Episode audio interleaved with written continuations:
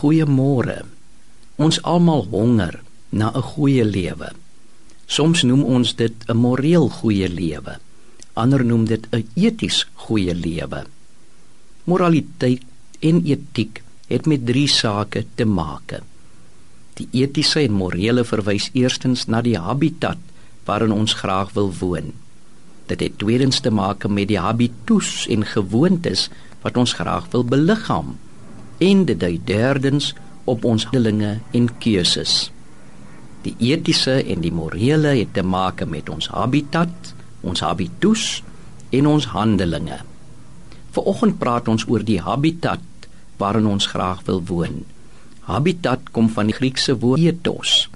Dit verwys na die veilige vesting waarin mens en dier en natuur kan blom en gedei. Romeine 14 vers 17 beskryf die drie sentrale eienskappe van die habitat waarin ons wil leef. Die lewe in die habitat wat God vir mense skenk, naamlik sy koninkryk, is 'n lewe van geregtigheid, vrede en vreugde. In God se habitat is daar vir mens, dier en natuur vrede. Vrede wat rus in geregtigheid en vrede wat gestalte kry in vreugde. Die lewe van vrede beteken alle onreg verdwyn.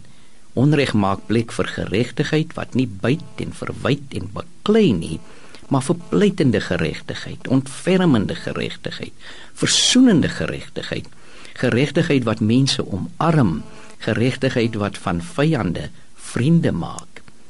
Die lewe van vrede beteken alle leed en lyding verdwyn, alle siekte, alle sterfte, alle sukkel, alle stikkindheid, alle seer kry en swaar kry, alle sonde en skuld, alle moegheid en moedeloosheid.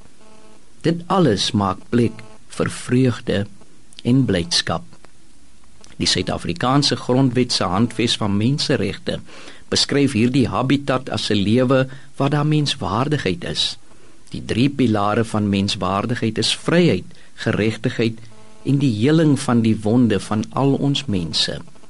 Die visie van die habitat van die nuwe samelewing van hierdie grondwet strook met die visie van 'n nuwe samelewing van 'n Godgegewe habitat.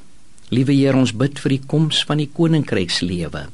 Laat alle mense en plant, dier en natuur die lewe in God se habitat ervaar, naamlik die lewe van vrede wat rus in geregtigheid vrede wat gestalte kry in vreugde. Amen.